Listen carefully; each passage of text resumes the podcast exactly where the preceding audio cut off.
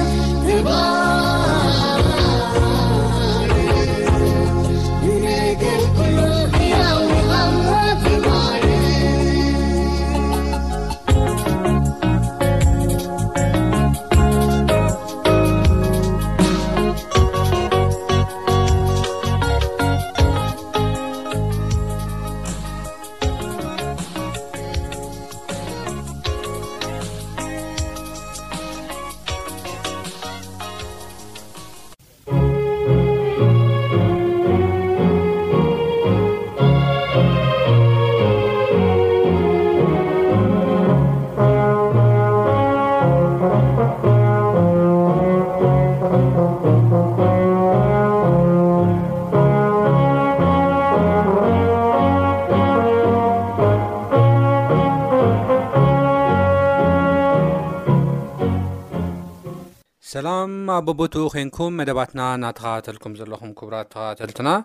እዚ መደብኩም መደብ ቃል ኣምላኽ እዩ። ኣብ ናይ ሎሚ ናይ ቃል ኣምላኽ ግዜና ኣብ ሰሙን እዚ ንሰለስተ ተኸታታሊ ግዜ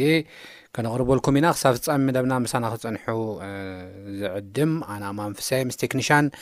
ሳሌም መንግስቱ ብምዃን ኢና። ቅድሚ ኩሉ ግን እግዚኣብሔር ምእንቲ ከምህረናን ክመርሓናን ሕጽር ዝበለ ጸሎት ክንጽሊ ኢና ንጸሊ። እግዚኣብሔር ኣምላኽና ነመስግነካ ኣለና ሕጂ ድማ ቃልካ ከፊትና ኣለና እሞ ኣምላኸይ ከተምህረና ቃልካ ክፍውሰና ቃልካ ከድሕነና እግዚኣብሔር ኣምላኽ ኢድካ ክትዘርግሓልና ምሕረትካ ክተብዝሓልና ንልምነካ ኣለና ንሕና ውን ናባኻ ክንቀርብ ንዓኻ ክንግዛእ ከም ፍቓድካ እውን ክንመላለስ ንስኻ ርድኣና ብ ጎይታና መድሓና ንስ ክርስቶስ ስም ኣሜን። እግዛብሄር ንደቂ ሰባት ኣብ ዘፍጥረት ምዕራፍ ሓደ ፍቕዲ 26 ክሳብ 27 ከይድና ኣብ ንርእየሉ እዋን ኣምላኽ ከዓ ብመልክዕና ከም ምስልና ሰብ ንግበር ንዓሳ ባሕርን ንዕዋፍ ሰማይን ንእንስሳ ንብዘላ ምድርን ኣብ ምድሪ ለመም ዝብል ኩሉ ለመምታን ይግዝኡ በለ ይብለና ኣምላኽ ድማ ብመልክዑ ሰብ ፈጠረ ብመልክዕ ኣምላኽ ፈጠሮ ተባዕታይን ኣንስታይን ገይሩ ፈጠሮም ኣምላኽ ከዓ ባረኾም ኣምላኽ ድማ ፍረይን ተባዝሑን ንምድሪ ምልእዋን ምለኽዋን ንዓሳ ባሕርን ንዕዋፍ ሰማይና ምድሪ ለመምን ዝብል ኩሉ እንስሳን ግዝኡ በሎም። ኣብዚ ሓሳብዚ እንሪኦ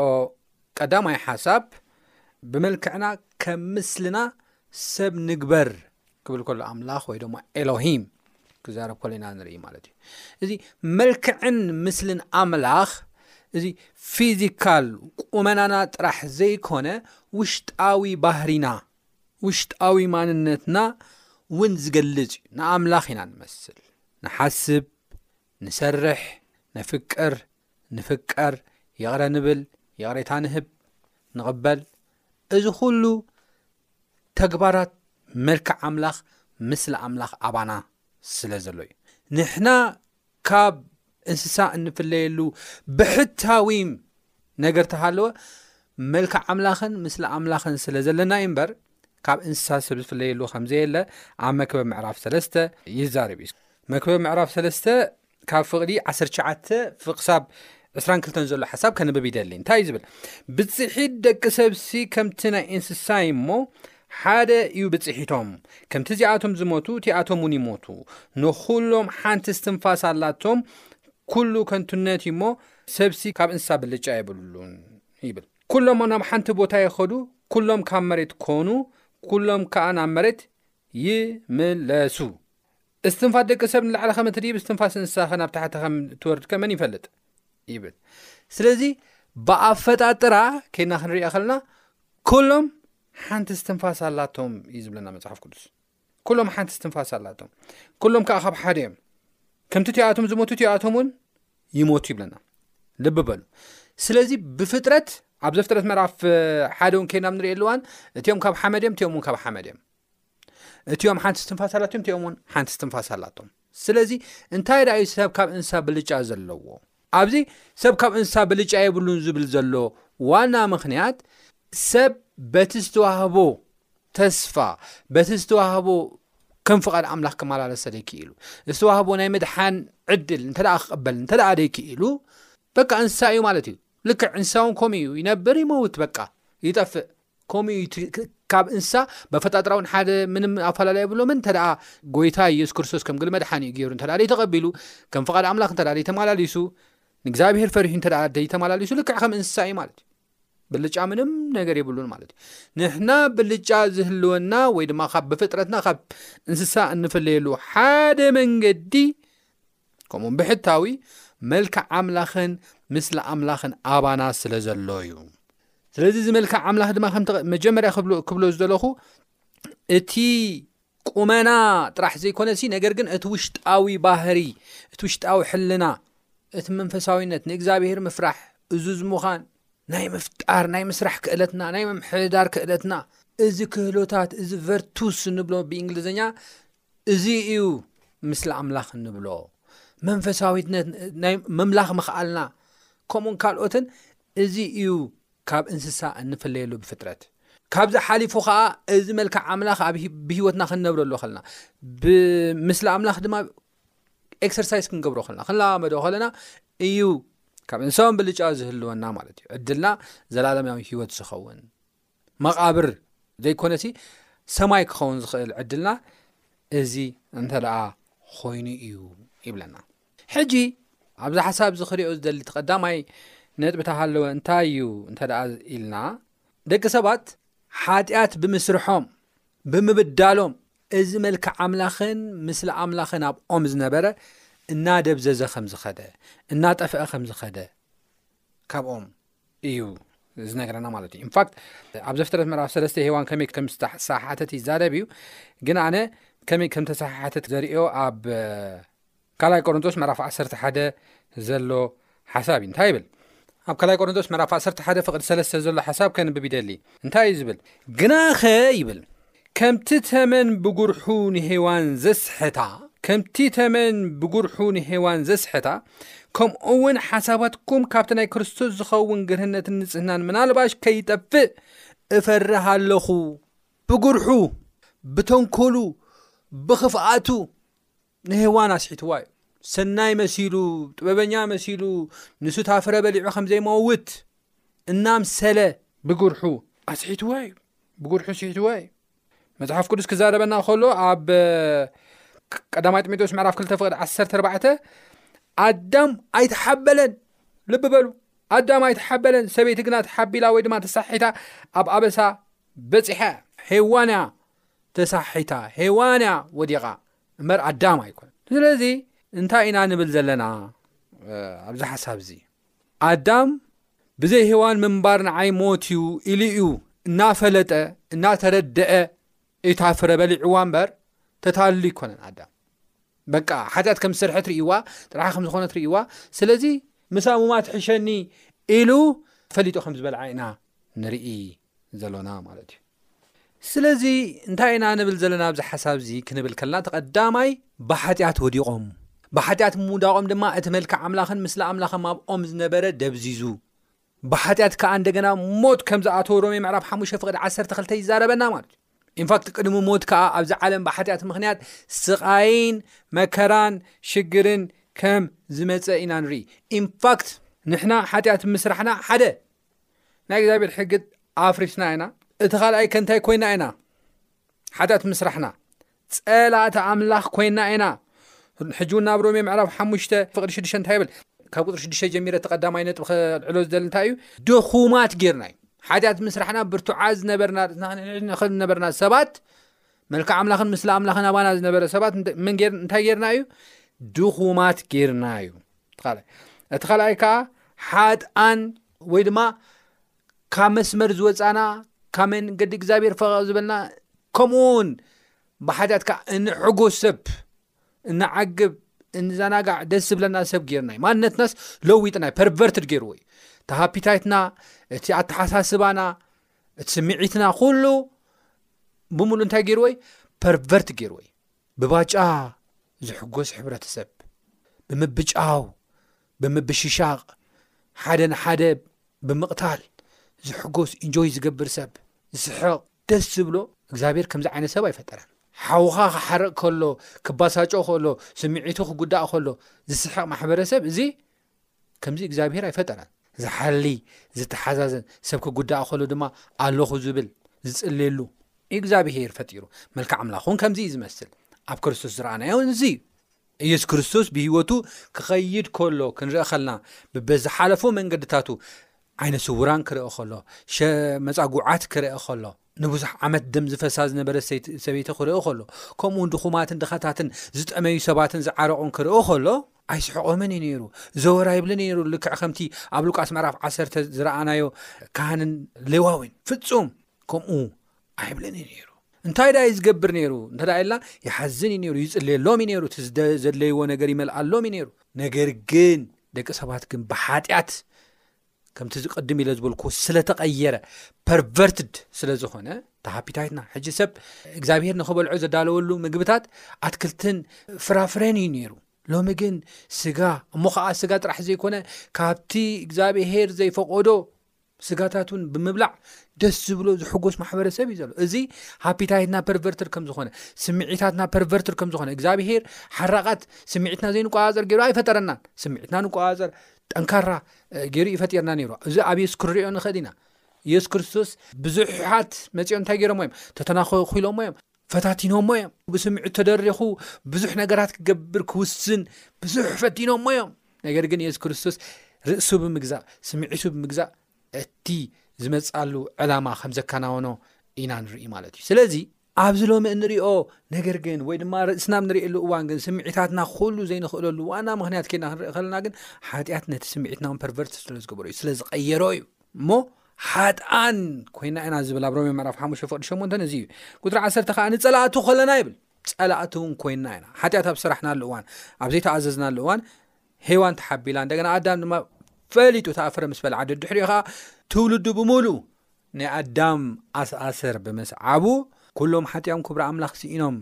ከም ዝተባህለ ኩላትና ኣብዚ ዓይነት ማንነት ከም ዝወደቕና ኢና ንርኢ ማለት እዩ ሓደ ድኹማት ጌርናይ ካልኣይ ስምዒታትናን ኣተሓሳስባናን ኣፒታይትናን ኩሉ ፐርቨርትድ ገይርዎ ቀይርዎ እዩ እግዚኣብሄር ናብ ዘይከብረሉ መንገዲ ቀይርዎ እዩ ንዓና ኣብ ዘይረብሓና ዕድሜና ኣብ ዝሕፀር ነገር ቀይርዎ እዩ መከራና ኣብ ዝውስኽ ነገር ቀይርዎ እዩ ሓጢኣት ማለት እዩ ማንነትናስ ቸንጅ ኮይኑ እዩ መልክዕ ኣምላኽ ሳባናስ ደብዚዙ እዩ ነቲ ዘይጠቕመና ዘይረብሓና ነገር ንክንገብር ተገዲና ኢና እ ከመይ ገይሩ ኣልኮላዊ መስተ ጥዕና ክህብ ይኽእል ከመይ ገይሩ ሓዳር ከቕንዕ ይኽእል ከመይ ገይሩ ሽጋራን ጫትን ከመይ ገይሩ ጥዕና ክህበና ኽእል ሓዳርና ክቕንዓልና ኽእል ናብራና ምስ ካልኦ ሰባት ዘለና ነገራት ከመይ ገይሩ ፅቡቅ ክገብሮ ኽእል ብፍፁም ክገብሮ ኣይክእልን እዩ ሰባት ግን ንዕኡ ብምውሳት ኣብኡ ፅግዕተኛታት ክኾኑ ከሉ ኢና ነገር ግን ኣብኡ ጽግዕተኛታት ኮይኖም ኣይተርፉን እዮም ካብ ማሕበረሰብ ይፍለዩ እዮም ሓዳሮም ይፈርስ እዩ ጥዕናኦም ይጉዳእ እዩ መጨረሽኡ ድማ ዕድምኦም ይሓፅር እዩ ይሓፅር እዩ እዚ ንኸይርዩ እንታይ እዩ ጋሪድዎም ሓጢኣት ሓጢኣት ደቂ ሰባት ብዝበዝሓሉ ሓጢኣት ደቂ ኣዳም ኣብ ዝበዝሓሉ ግዜ ሰባት እውን ኣርሒቖም ናይ ምርኣይ ፕሩደንት ናይ ምዃን ክእለቶም ከም ዝወረደ እቲ ኣይኪው ኢኪው ዝበሃል ብእንግሊሽ ዝብልዎ እቲ ናይ ኣእምሮ ብስለቶም እቲ ናይ ስምዒት ብስለቶም ብመሉ እንታይ ኮይኑ እዩ ወሪዱ ዳርጋ ዜሮ ኮይኑ እዩ ዝገድኦም ነገር እኳ ከይዶም ተወርዊሮም እዮም ዝሕዝዎ ዘጥፍኦም ነገር እኳ ተወርዊሮም እዮም ዝሕዝዎ ብግዜያዊ ስምዒት ጥራሕ ዝተደረኹ ኣብ ግዜያዊ ነገር ጥራሕ ዝተፀግዑ ፅግዕተኛታት ገይርዎም እዩ ሓጢኣት ማለት ብዝኾነ ተመን ብጉርሑ ንሄዋን ኣስሒቱ ናብዚ ከም ዝወደቐና ኢና ንርኢ እግዚኣብሔር ግን ወዲቕና ክንተርፍ ካብቲ ፍሉይ ዝኾነ ባህር እዩ ወዲቕና ክንተርፍ ኣብ ከምዚ ዓይነት ኩነታት ክንኣቱ ድሌት እኳ እንተደይነበረ ምስ ኣተና ግን ኣይሓደገናን እግዚኣብሔር ይመስገን ኣይሓደገናን ርግፅ እዩ ፈቒድና ፈቲና ተታሊልና ዝገበርናዮ ሓጢኣት እዩ ድሕሪ እቶ ዝመፅእ ትውልዲ ከዓ ከምኡ እዩ እዚ ሓጢኣት ኣብ ዝገበርናሉ እዋን ግን እግዚኣብሔር ታይቲኒ ተታሊሎም እዮም ናይ ንስሓ ዕድል ብዝሃብክዎም ዕድላት ከዓ ኣብ ዘፍጥረት ምዕራፍ ስለስተ ኣብ ንሪእሉ እዋን ኣይተጠቀሙሉን ስለዚ ታይቲኒ ኢሉ ኣይሓደገን ባዕሉ እቲ ኢኒሽቲቭ ብምውሳት ብናቱ ተበግሶ ንደቂ ሰባት ከድሕን እግዝኣብሄር ሓደ ወዱ ከም ዝለኣኸ ወይ ድማ ንምልኣኽ ከም ዝወሰነ ኢና ንርኢ መጽሓፍ ቅዱስ ከድና ንሪኦ ኣለዋ ንምልኣኽ ከም ዝወሰነ ኢና ንርኢ ማንም ከየገደዶ ንሕና ከዓ ኣይተጋጊና ኢና ኣለና ናብኡ ከይተመለስና ገና ሓጣን ከለና ገና ብገዛእ መንገድና እናተመላለስና ገና ሓጣ ከለና ክብል ከሎ መፅሓፍ ቅዱስ ገና ስምዒታትና ኣተሓሳስባና ሃፒታይትና ክሉ ንገብሮ ነገር ፐርቨርትድ ኮይኑ ከሎ ካብቲ ናይ ኣምላኽ መንገዲ ተጠዊኡ ከሎ ተለዊጡ ከሎ ገና ኣብኡ ከለና ገና ጸላእቲ ኣምላኽ ከለና ይብል መጽሓፍ ቅዱስ ቅድም ኢለ ኣብቲ ዘንበብኩልኩም እዋን ክርስቶስ ብግዜኡ ምእንቲ ዓመፅቲ ሞተ እወ ክርስቶስ ኣብ ክንዳና ሞይቱ እዩ እሞ ኣምላኽ እታ ፍቕሩ ንኣና በዚ የርኢ ኣሎ እወ ኣምላኽ ብሞት ወዱ ተዓረቐና ካብ ተዓረቐና ደኣ ክንደይ ብህይወቱ ዘይንድሕን ኢሉ ኣብ ሮሜ ምዕራፍ ሓሙሽተ ቅጥሪ ሽዱሽተ ቅጥሪ ሸሞንተ ቅጥሪ ዓሰርተ ዘሎ ሓሳባት ይነገረና ብናቱ ኢኒሽቲቭ ብናቱ ተበግሶ ገና ከለና ከም ዘድሓና ኢና ንርኢ እዚ ከዓ ካብ ምንታይ እዩ ክንብል ከለና መፅሓፍ ቅዱስ ኣብ ቀዳማ ዮሃንስ ምዕራፍ 4 ፍቅዲ 8 ከም ንሪኦ እግዚኣብሄር ፍቕሪ ካብ ምዃኑ ዝተላዕለ እዩ ፍቕሪ ካብ ምዃኑ ዝተላዕለ እዩ ምሕረት ካብ ምዃኑ ዝተላዕለ እዩ ስለዚ ኣብ ኤርምያስ ምዕራፍ 31 ፍቕዲ 3 እንታይ ይብለና ብዘለኣለም ፍቕሪ ኣፍቅርኩኺ ብርህራሄ ወይ ድማ ምሕረት ድማ ሰሓብኩኺ ከም ዝብል ብርህራሄኡ ብምሕረቱ ንኽስሕበና ሓደ ወዲ ከም ዝሃበና ኢና ንርኢ ነዚ እዩ ኣብ ዘፍጥረት ምዕራፍ 3 ፍቕዲ 15 እቲ ናይ መጀመርያ ተስፋ ናይ መጽሓፍ ቅዱስ ከምዚ ብምባል ዝዛረበና ሰባት ብሓጢኣቶም ብዓመጾም ብኽፍኣቶም ምስ ሰይጣን ሓደ ኣብ ዝኾኑሉ እዋን ምስቲ ተመን ሓደ ኣብ ዝኾኑሉ እዋን እዚ ሓድነት እዚ ድማ ንህይወቶም ዘጥፍእ ንሕብረተሰቡን ዘጥፍእ ነታ ምድሪ እውን ዘጥፍእ ከም ዝኾነ ፈሊጡ እግዚኣብሄር እዚ ኣብ መንጎ ደቂ ሰባትን ኣብ መንጎ ሰይጣን ዝተገብረ ሓድነት ንኽሰብር፣ ነዚ ስራሕ ዲያብሎስ ንኸፍርስ ጎይታ የሱስ ክርስቶስ ከም ዝተገልጸ ኢና ንርኢ እንታይ ይብል ኣብ መንጎኻን ይብሎ ነቲ ተመን ክዛረብ ከሎ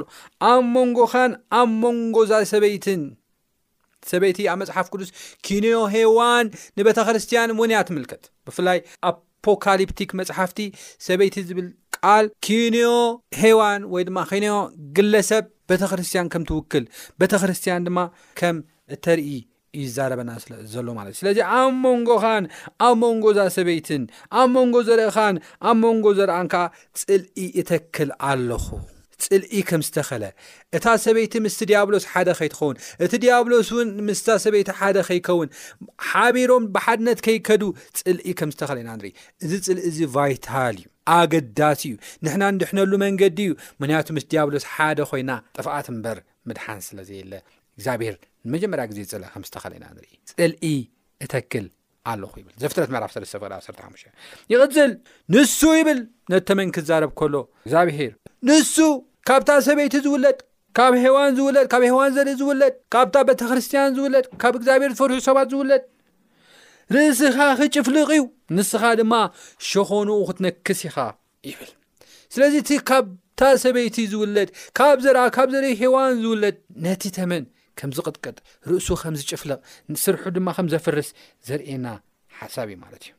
ስለዚ ብ ቀዳማ ዮሃንስ ምዕራፍ ሰለስተ ፍቕዲ ትሸዓተታ እዩ ዝብለና ከምቲ ቅድም ኢለ ሓንቲ ወይ እውን እናገለፅክዎ ዝነበርኩ ከምዚ ይብል ካብ ኣምላኽ ተወልደ ዘበለ ዘርኡ ኣብኡ ይነብር እዩሞ ሓጢኣት ኣይገብርን እዩ ካብ ኣምላኽ ተወልደ እውን ሓጢኣት ክገብር ኣይኮነሉን እዩ እዚ ኣብ ቀዳማ ዮሃንስ ምዕራፍ 3 ፍቕዲ 8 ዘሎ ሓሳብ እንታይ ይብል ዲያብሎስ ካብ መጀመርያ ሓጢኣት ይገብር እዩ እሞ ሓጢኣት ዝገብር ካብ ዲያብሎስ እዩ ወዲ ኣምላኽ ከዓ ግብሪ ዲያብሎስ ምእንቲ ከፍርስ እዩ ነዚዩ ዝተገልፀ ይብል ስለዚ ኢየሱስ ክርስቶስ ግብሪ ዲያብሎስ ንኸፍርስ ስራሕ ዲያብሎስ ከፍርስ ከም ዝተገልፀ ርእሱ ክጭፍልቅ ከም ዝተገልፀ ኢና ንርኢ ተገሊፁ ጥራሕ ኣይኮነን እቲ ስርሑ እውን ከም ዘፍረሰ ኢና ንርኢ ማለት እዩ መፅሓፍ ቅዱስ ስለዚ እዚ ሓሳብ እዚ ኣብዛ ናይ መጀመርያ ክፋልና ክሪኦ ዝደሊ እቲ ዋና ነገር ተሃለወ እንታይ እዩ እግዚኣብሄር በቲ ዓብ ፍቕሩ ብዮሃንስ ወንጌል ምዕራፍ 15 ኬና ንሪእሉ እዋን ካብዚ ዝዓቢ ፍቕሪ የለን ይብለና ካብዚ ዝዓቢ ፍቕሪ የለን ይብለና እም ኣብ ዮሃንስ ወንጌል ምዕራፍ 15 ከይደ ከንብብ ይደሊ ምክንያቱ ንዝበደልዎ ካብ መንገዱ ወጻእን ዝኸዱ ሰባት ምሕረት ጊሩ ዋጋ ከፊሉ ዘድሕን ጎይታ ካብዚ ዝዓበ ፍቕሪ የለን ይብለና ኣብ ዮሃንስ ወንጌል መራፍ 15 ፍቕዲ 13 ሰብ ንህይወቱ ኣብ ክንዲ ዓርኹ በጃ ክሕልፍ ካብ ዝዓቢ ፍቕሪ የልቦን ንስኻትኩም እዚ ዝኣዝኩም ዘበለ ኩሉ እንተገበርኩም ኣዕርኾ ኢኹም እቲ ካብ ኣቦይ ዝሰማዕኽዎ ዘበለ ንስኻትኩም ዘፍልጥኩም እዩ ዓርኹይ ዝብልኩም ባርያ ጎይቱ ዝገብሮ ኣይፈልጥን እዩሞ ደጊም ባሮት ኣይብለኩምን እየ ኣነ ሓሪኽኹም እምበር ንስኻትኩም ኣይሓረኹምንን ክትከዱን ፍረ ከተፍርዩን ፍሬኹም ድማ ነባረ ክኸውን ነቦ ብስመይ ዝለመንኩሞ ዘበለ ምእንቲ ክህበኩም ነዚ መደብኩኹም ንሕድሕድኩም ክትፋቐሩ እዚ እዘኩም ኣለኹ ይብል ስለዚ ካብዚ ዝዓቢ ፍቕሪ የለን ይብል ዮሃንስ ወንጌል 15 በዲልና ካውርሒቕና ኣብ ዝነበርናሉ እዋን እግዚኣብሄር ግን በቲ ዘለዓለማዊ ፍቕሩ በቲ ወሰን ዘይብሉ ደረት ዘይብሉ ፍቕሩ ክግለጽ ብዘይክእል ፍቕሩ ኣብ ክንዲ ጸላእቱ ከም ዝሞተ ኢና ንርኢ ኢንፋክት መስቀል እውን ኣብ ንርእየሉ እዋን መስቀል ክርስቶስ እውን ኣብ ንርእየሉ እዋን ኢየሱስ ክርስቶስ እናሰቐልዎ ጦር እናወግዎ መብዛሕትኡ ይሰቐል ይሰቐል ኢሎም እናረገምዎን እንትፍ እናበሉሉን ናብ መስቀል ቀራንዮ ኣብ ዝተሰቕለሉ እዋን ግን እንታይ ኢሉ? ዝገብርዎ ኣይፈልጡን እዮም እሞ ይቕረ በለሎም ኢሉ። ዝገብርዎ ኣይፈልጡን እዮም እሞ ይቕረ በለሎም ኢሉ ክጽልየሎም ከሎ ኢና ንርኢ። ስለቶም ዝጸርፍዎ፣ ስለቶም ዝነዓቕዎ፣ ስለቶም ጡፍ ዝብልሉን ጦር ዝወግዎን ዝነበረ ድማ ዋግኦም ዕዳኦም ክኸፍል ከም ተሰቕለ ኢና ንርኢ። ብጣዕሚ ዝገርም እዩ ማለት እዩ። ስለዚ ሎሚ ብኣምላኽ እተፈቐርካ ሰብ ኢኻ ብኣምላኽ እተፈቐርኪ ሰብ ኢኺ ብኣምላኽ ምድሓን ዝተዳለወልካ ሰብ ኢኻ ብኣምላኽ ምድሓን ዝተዳለወልኩም ሰባት ኢኹም እግዚኣብሄር ሓደ ወዱ ዝሃበና ርእስና ኸነድሕን ኣብ ዘይንኽእለሉ ደረጃ ድኹማት ስለ ዝገበረና እዩ ሓጢኣት ስለዚ እግዚኣብሄር ግን ባዕሉ ርእሱ ሂቡ ምእንቲ ከድሕነና ናብዚ ምድረ ከም ዝመፀ ከም ዝወሰነ ኢና ንርኢ ምናልባት ኣብ ዝቕፅል ብሰፊሑ ክንርኤና ናይ የሱ ክርስቶስ ህወትን ሞትን ትንሳኤን ከመይ ይመስል ነይሩ ብዝብል ብሰፊሑ ከም ፍቓድ ኣምላኽ ክንርኤና ኣብ ዝቕፅል ክሳብ ንራኸብ ሰላም ኩኑ እናበልኩ ንዘለኩም ሕቶ ወይ ርእቶ ግን በቲ ልሙድ ኣድራሻና ናብ ዓለም ለኸ ኣድቨንስ ሬድዮ ድምፂ ተስፋ ንኹሉ ሰብ ቁፅሪ ሳዙን ፖስታና 145 ኣዲስ ኣበባ ኢትዮጵያ ወይ ድማ ቁፅሪ ስልክና 0911145105 ኢልኩም ክትልእኹልና እናዘኻኸርና ኣብ ዝቕፅል ብካልእ ክሳብ ዝራኸብ ሰላም ኩኑ ጎይታ ይባረኩም